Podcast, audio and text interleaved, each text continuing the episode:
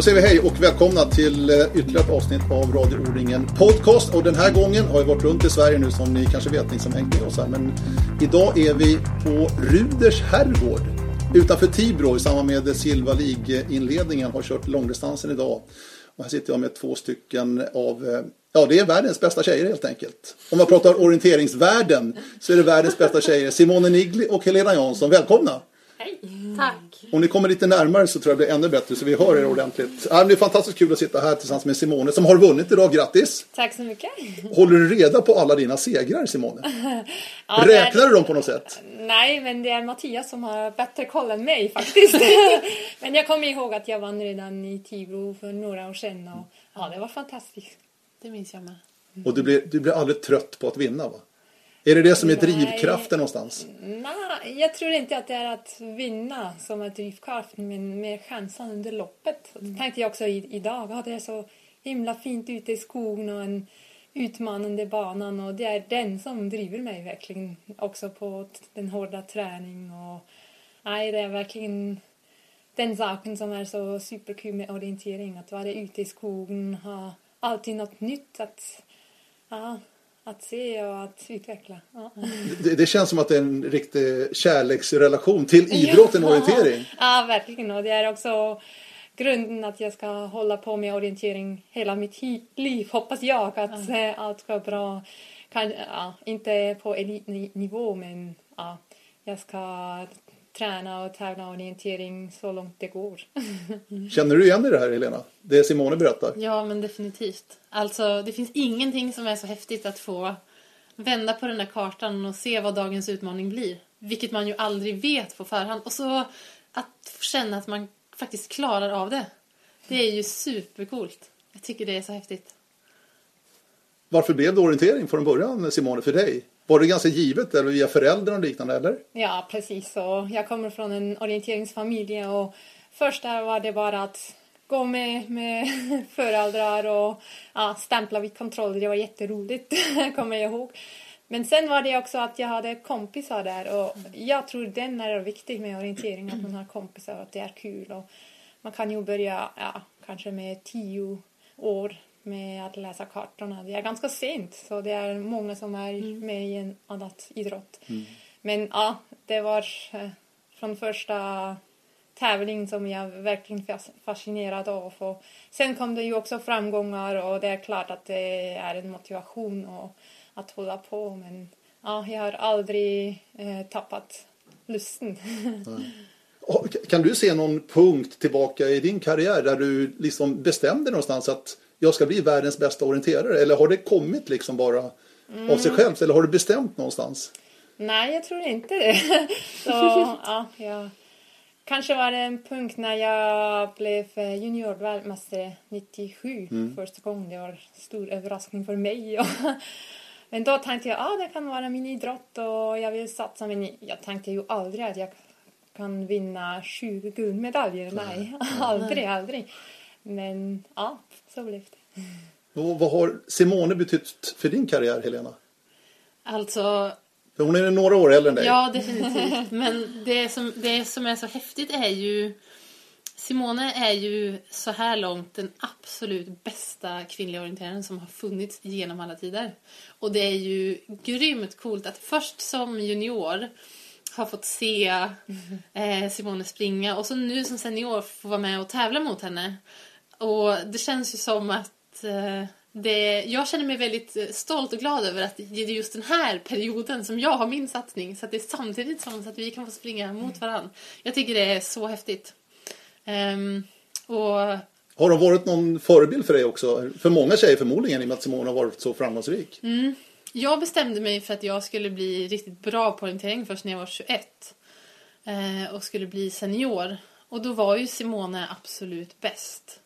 Um, och för mig så var det då snarare sådär att Simones orienteringslopp var liksom visionen av hur, hur bra man kan springa en bana. Och jag trodde aldrig någonsin att jag skulle kunna komma så långt att jag skulle kunna få vara med där framme och slåss, tror jag. Um, och det känns jättehäftigt att jag har kunnat ta de kliven i min utveckling och att jag nu faktiskt springer och tävlar och konkurrerar med mm. Simone. Det är coolt. Hade du någon förebild, Simone?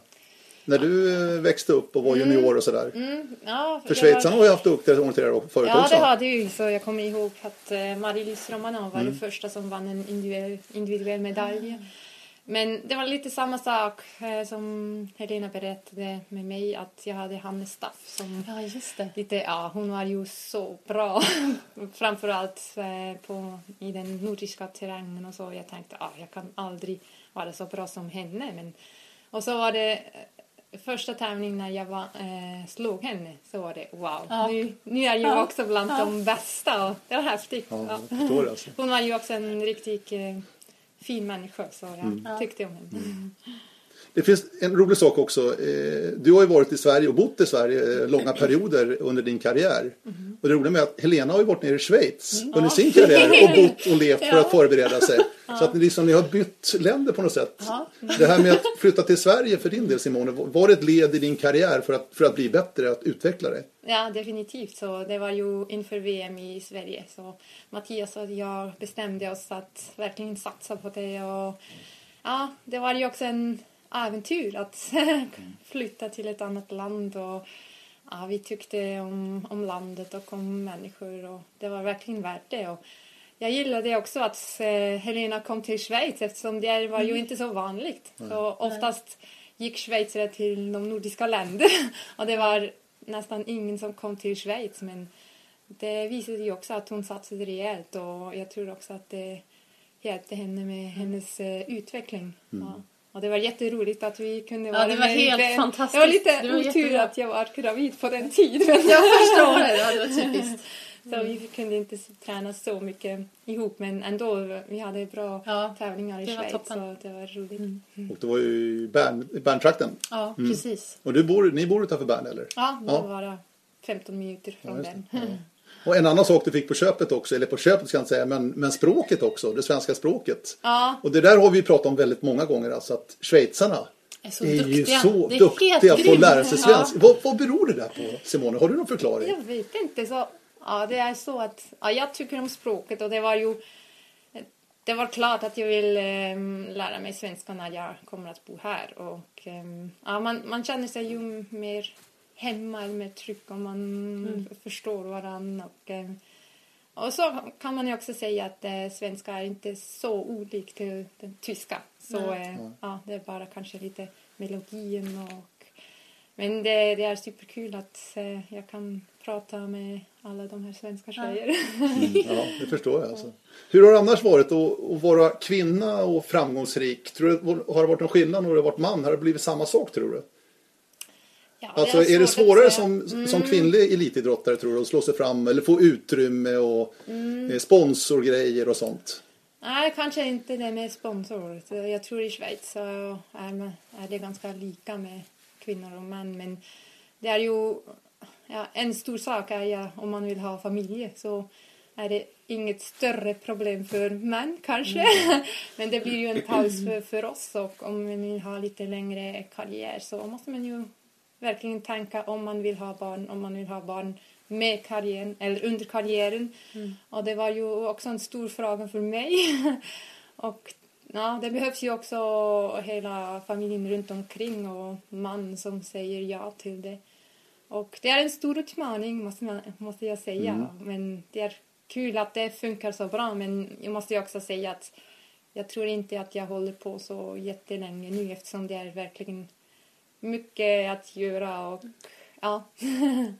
Och det är inte bara ett barn, ni har ju tre barn. Det blev ju tvillingar då senast. Ja, precis.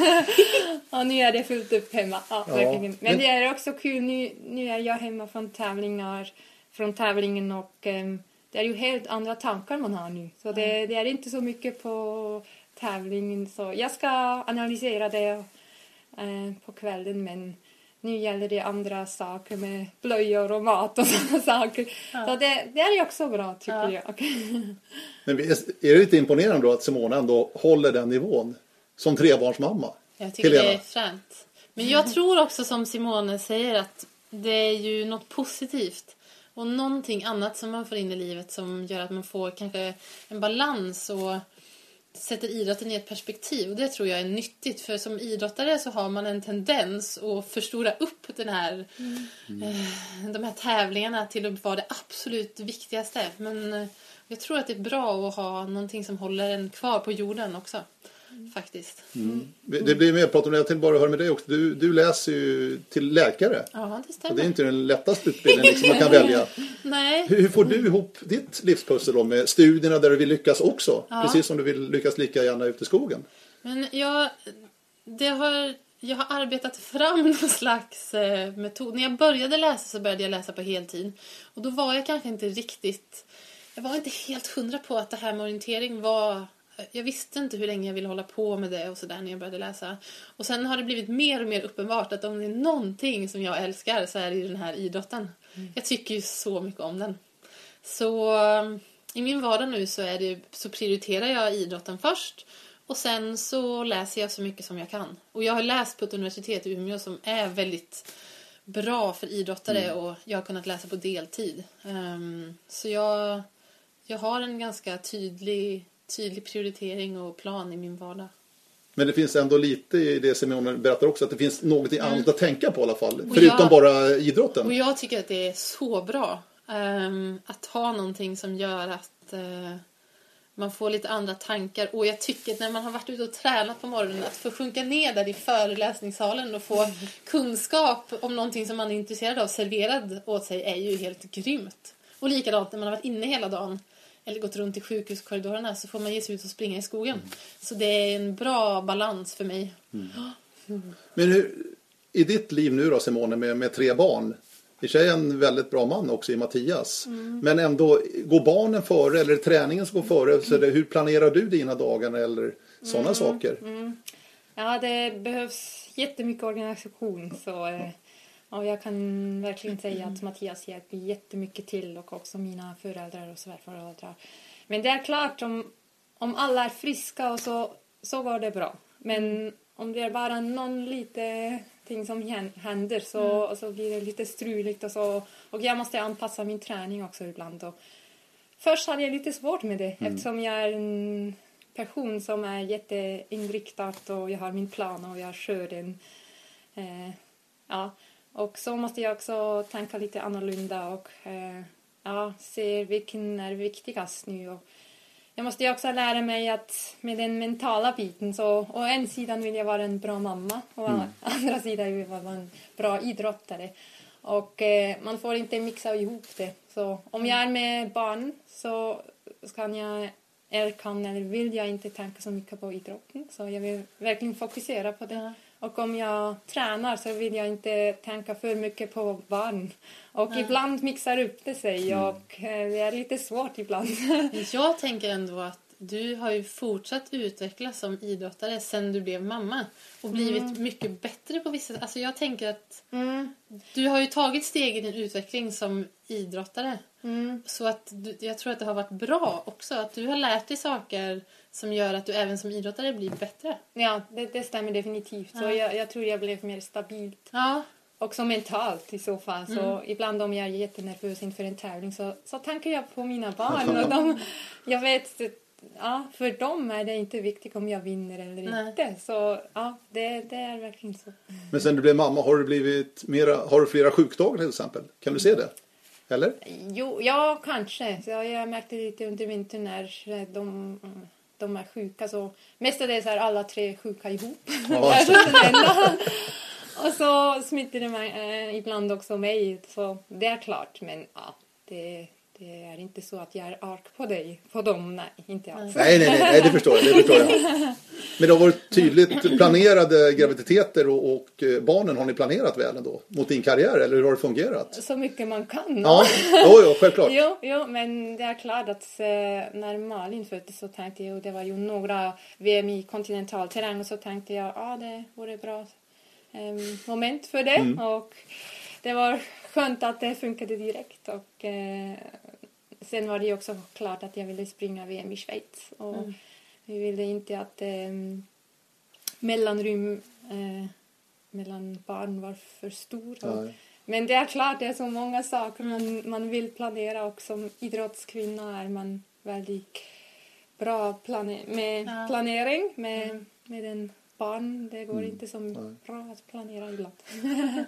Med dig då Helena vad gäller barn och sådana Ja. här saker. För att det är också, i och med att du också har en karriär mitt uppe i alltet. Ja, men jag har tänkt att det perfekta vore ju Niklas, min sambo. Han har ju lagt ner sin satsning. Så om han kunde bli gravid, Han är ju rätt bra det hade ju varit helt perfekt. För då kunde han ju ta hand Ja, det var det Simone berättade förut alltså.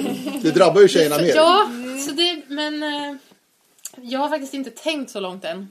Ehm, Ja, då är studien också. Bli, ja, men än så länge så... Åh, nu har jag haft lite så här små bekymmer med skador och sådär ett par år. Jag skulle tycka att det var kul om jag fick något år där orienteringen funkade helt och hållet. Innan jag tar ett steg tillbaka och gör något annat. Antingen med min karriär eller med familjen. Så vi får se framöver. Mm. Men jag tänker att jag har eh, många år på mig. Jag hoppas det. Säkerligen. Säkerligen. Men du har ju ett VM i Sverige 2016. Ja, det är en dröm, måste jag säga. Det vore helt... Jag känner mig lite snuvad på det här EMet i Sverige nu när jag skadade mig och inte kunde springa. Så ett VM på hemmaplan vore helt eh, fantastiskt att få uppleva. Det Jag vore frågar Simone, kul. hon vet. Ja, Det, det är verkar verkligen, väldigt häftigt. Ja, det är verkligen något häftigt. Och jag kommer att heja på dig. Det kändes 2016. lite, jag kände mig lite som på hemmaplan i somras också när det var i Schweiz. När jag hade Ja. bott där. Det var så många som man kände sådär. Ja. Ni är ute på en fantastisk resa nu egentligen. Mm. Familjen eh, Nigli. Förutom, jag, jag såg på din hemsida förresten. Du skriver ut fortfarande Simone Nigli Loder på den sidan. Ja, det spelar ditt, ingen roll. Nej, men det, vad, vad är ditt officiella namn egentligen? I, i de schweiziska papperna? Ja, i papperna är det Ni- Nikli Luder. Ja, det är så. Ja. Men jag skriver under bara med Nikli. Så Ja. det funkar bra med Ja, det är Nikli. bra. Det är bra. ja, vi kom hit i onsdags och nu eh, är det tre månader i Sverige och Finland som ja, ifrån. Ja, det blir jättehäftigt. Nu blir det en månad i, i Sverige och så flyttar vi oss till Finland och gör hela förberedelser där med hela familjen. Ja, med hela familjen. Helt enormt. Ja, nej, men det är ju så att eh, Malin eh, kommer till kindergarten i Schweiz, säger man, förskola, eh, i eh, augusti. Och så är det ju lite ja, som sista momentet man kan göra det. Så. Och eh, ja, det blir jättehäftigt som ett äventyr och eh, det, mina föräldrar kommer också upp och hjälpa lite till. Men ja, jag ser mycket, mycket fram emot eh, alla ja, städer så vi, vi får se. Men hur, många, hur många väskor och kollen blev det när, ni skulle packa ihop grejerna hemma? Ja, det var eh, ganska många men ja, det måste passa in i bilen så. Ja. Eh, man kan ju köpa allt i Sverige också. Det kan man. Verkligen alltså. Ja, det är verkligen spännande. Eh, VM i Finland i sommar. Hur ser du, du var inne på lite grann att du börjar se slutet på din karriär i alla fall. Ja, Hur jag, resonerar du eller ni? ja, jag sa det att det blir ett eller två år. Ja. Så, eh, eftersom jag måste också ha lite perspektiv och se vad jag ska göra efter det. Och eh, ja, VM i Finland det blir jätteroligt tycker jag. Så långdistans blir en, en terräng som är ganska lika idag. Och det tror jag att det passar mig bra. Och så är det medeldistans och stafett som, som är ganska olika och det blir Ja, verkligen. tuff terräng. Och, Ja, det blir kul och jag tror också att Finland kan göra en jättebra VM med mycket folk och bra banor och mediebevakning och allt. Så det blir superkul.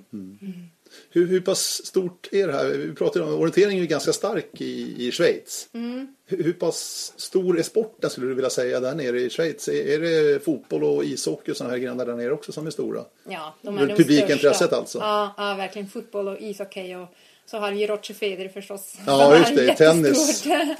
ja, ja, orientering den, den är chans kan jag säga. Men det är inte så jättemånga som, som gör det. Så man kan... Men om, om de hör orientering så vet de mitt namn och det det, är klart. Och det, det har blivit mycket mer populärt de senaste åren. Ja. Det vet jag som har bott där nere. För så fort man pratade med någon schweizare och sa att man höll på med orientering så sa de Åh, du kanske, känner du till och med Simone? ja, och då kan jag säga att då blev allting mycket lättare. Med att skaffa mobilabonnemang och sådana där saker. Det gick mycket bättre om man visste, om man kände Simone. Det är ett tips. Men du Helena, du, du måste ändå sätta in Simone i, sitt rätta element här. Hon har alltså vunnit 17 individuella VM-guld. Tre stafettguld dessutom. Du har två guld, det är inte dumt det heller. Individuellt. Men alltså 17 guld. Ja, Hur bra är det på en skala egentligen? Alltså? det är helt... eh, Jag kan inte ens drömma ihop det. Nej. Det tror jag inte Simone kunde heller. Nej, det har jag Men inte gjort. det är helt... Alltså det är ju verkligen enormt. Och ändå har hon fött Och barn också under det, resans men, gång. och det är det jag säger. Det är så himla coolt att få vara... Det här är ju som en era. Simone Nigli-eran kommer ju liksom alltid finnas kvar i orienteringens och idrottens historia. Och att få vara en del av den är ju ashäftigt. Så är det ju. Men vi får se hur många det blir för dig. Så. Det är ju också. Ja. Vi har lite att jobba på där. Man måste ju inte jämföra karriärerna. Det är ju, ja, var har sitt eget. Ja, helt sant. alltid- Ja. Eh, vi har alltid en fråga här i O-ringen Podcast. Så jag tänkte fråga faktiskt när ni tog era första VM-guld individuellt. Det är alltså ingen fråga ni får svara på den själva. Jaha. Utan, Helen, utan Helena Janssons första individuella VM-guld var och när och vilken eh, distans. Och Simones första VM-guld då individuellt var och när och vilken distans. Det är de två frågorna alltså. Nu skickar in svaret till radio oringen.se. Hade en fråga förra gången också. Det var ju om eh, O-ringen i Närke. Eh, och de två tidigare gångerna då, förutom 19, eller förlåt, 2010. Det var alltså Hallsberg 2000, det regnade väldigt mycket. Och Örebro 1979. Och Jan Boman i Jakobstad i Finland. Svarar rätt på den frågan. Vi säger grattis naturligtvis till dig Jan. Och den nya frågan alltså, första VM-gulden individuellt för Simone respektive Helena som jag sitter med här på Ruders herrgård utanför Tibro. Eh, jag tänkte att vi ska avsluta här nu med att prata lite O-ringen. Ja. I och med att det är Radio O-ringen podcast. Vad, vad betyder O-ringen för dig Simone? Vad betyder det när du växte upp? O-ringen? Första gången du var med, kommer du ihåg det? Det måste jag komma ihåg. Oj. Var du ungdom då eller? Ja, det var ju Det var det? ungdom. Ja, ja, jag tror det var i Falun. När var det? Ja, 85. Ja, det kan vara. Då Det var föddes länge jag. du nej, född? nej, 85 kan, inte inte vara. Nej, nej, nej. nej måste nej. vara senare. Ja, det måste vara senare. Ja, jag kommer inte ihåg. nej, men det är alltid något, något jättestort kan jag säga. Verkligen. Det är så häftigt med så mycket folk och eh, det har utvecklats lite med, med den här elittävlingar också, att det är lite annorlunda. Men ja, det, det är... Vi tittar alltid på eh, almanackan om vi kan vara med på O-ringen och det är fint att vi kan vara med i Boden ett år. Och det har blivit, som du är inne på, i elitserien också. Alltså banor, kartor och sånt. Ja. Håller, håller hög klass även i O-ringen Ja, tycker du? verkligen så. Det är superkul att kunna vara med där. Och för mig blir det alltid lite ja, tävlingssemester liksom. Ja. ja, det är tävling som är viktig men så på eftermiddag är det äventyr med familjen och, och vänner och allt. Så det är lite både och. Och det är kul nu i sommar uppe i Boden. Mm. Så det är jättemånga schweizare som anmäler. Över 500 stycken redan. Ja, vad, vad beror det på? Jag vet inte, det är kanske något jättespeciellt med att O-ring går så högt upp. Det är verkligen, jag har aldrig varit så högt upp och det Mm. blir jätteroligt med en midnattssol och så. Men det är verkligen fem, över 500, det är som en regional tävling i Schweiz. Det är otroligt. Ja, det är jättemånga. Ja. Ja, för det är, en lång, det är en lång resa från Schweiz hela vägen upp till Boden. Alltså. Mm. Ja, verkligen. det är inte många hundra miler. Du då, O-ringen för dig Helena, vad, vad betyder det för dig? Mitt första O-ringen var faktiskt O-ringen i Hallsberg. Det var det? Det, var När så det regnade? Jag hade tjatat hål i huvudet på mina föräldrar att lägga en hel semestervecka på O-ringen. De är inte orienterade. Och så kom vi dit och bodde i husvagn i den här lerpölen. Men O-ringen är ju ett stort äventyr på sommaren och de sista åren ehm, så har det ju verkligen varit tuffa och riktigt bra tävlingar. Ehm, och några av de finare långdistansbanorna som jag har sprungit. Så det är alltid fantastiskt. Och precis som Simone säger, att det är så himla gött det här med att man kan ta ledigt och bada på eftermiddagen. Att det är en sommarvecka verkligen. Samtidigt som man får göra det man tycker bäst om. Ja, det är häftigt. Kan ni känna er någonstans som lite, lite stjärnor då under O-ringen-veckan? bland alla dessa tusen orienterare som, som ser upp till er bägge två. Känner man som det någon gång? Nej, Jag tänker nog väldigt lite på det. Ja. Jag känner mig precis som vanligt och jag är lika nervös när jag ska tävla och blir lika trött när jag kommer i mål. Ja. Och sådär. Jag tänker inte på det alls. Ehm, fast de sista åren har jag märkt att det ibland så... ja, det är många att prata med och många att träffa och mycket ungdomar som man träffar. Mm. Det tycker jag är väldigt kul. Ja. ja, verkligen. Det finns ju några som vill ha autograf. Och Ja, det stämmer. Men jag tycker det är så kul med orientering att man är verkligen en familj och det är den, den yngsta tävlar med eliten och med den äldsta och det är verkligen unikt tror Ja, jag i, det är det. i idrotten. Ja. Man duschar ihop och allt. Ja, det är helt verkligen sant. något eh, speciellt. Ja. Nej, O-ringen är ju fantastiskt. Är, är det inte väldigt slitsamt ändå, de här fem dagarna som det handlar om? Jo, För det er, är i och med att ni det har är så ju- pass mycket andra tävlingar också som är viktiga. Ja, det stämmer. Men det, är ju, det går ju efter VM så det Ja, spelar det ingen roll. Och någonstans så är det så... Jag vet inte, O-ringen-veckan, det funkar att tävla de där fem dagarna. Alltså... Det kanske gläder är här, alltså. Ja, det kanske är det. Och så är det de här trevliga eftermiddagarna som gör att man klarar av det kanske. Ja, ja. Det brukar funka bra tycker jag. Nu har du klarat av en långdistans idag här i Tibro. Tuff sådan. Mm. Över eh, 73 minuter liknande va, Simone? det, var, det var jobbigt där ute. Men, Men det var det. Ja. Och det var någon, den här sista slingan med den här ravinen. Ja. Alltså, det var inte någon som hade sprungit själv som la den banan kan jag säga. Det var tufft. Hur känner du Simone? Kan, du ta ut det fullständigt? Ja, jag Liksom- har lite svårt med det. Så, Du har det? Ja. Ja, verkligen. Så det, ja, jag springer så fort jag kan men ändå tänker jag om jag ser andra, de kan springa i mål och ja, ramla där och Ja. nästan spy och det kan jag inte. Och ibland vill jag göra det men jag Ja. kan inte. Men kanske ja, är det ju också bäst så jag kan orientera också bra fram till målet. Så tänker jag också. Ja. Du då är du likadan lite grann? Ja, men jag är nog mer som Simona än en sån som kan springa över mållinjen och kräkas. Men jag brukar också tänka så. Att, att jag måste ha någon slags balans i det så att jag fortsätter... Så att jag inte springer mig helt dum i huvudet på slutet. För att man måste ju hålla i orienteringen hela vägen. Och det brukar vara där som det avgörs tycker jag. Men jag skulle också, jag skulle också vilja. Ja. Men det- En som nej. kan det där är ju Som Tove. Tove. Ja, ja, precis. Ja, Hon, är ju, hon Det är kan verkligen ta ut sista, sista. Ja, och, och det. hon tjänar jättemånga sekunder ja på sista slutet. Ja, jämt! Fasen. Ja. det är något att jobba på. Ja, det finns precis. utvecklingspotential Ja, fortsatt. det gör vi. Men hur känner ni er i kroppen imorgon? Det känns ingenting av, av dagens race eller? Nej, eller sitter imorgon det är det någonting? en, ny dag och det är klart att man måste återhämta sig bra nu. Ja. Äta bra och dricka bra. Men ja, jag tror vi är bra tränat för några dagar i rad. Så Det det, tror jag blir med. bra. Och sen alla som springer imorgon har sprungit idag också. Ja. Så det kommer säkert kännas lite. Men det gör det för alla.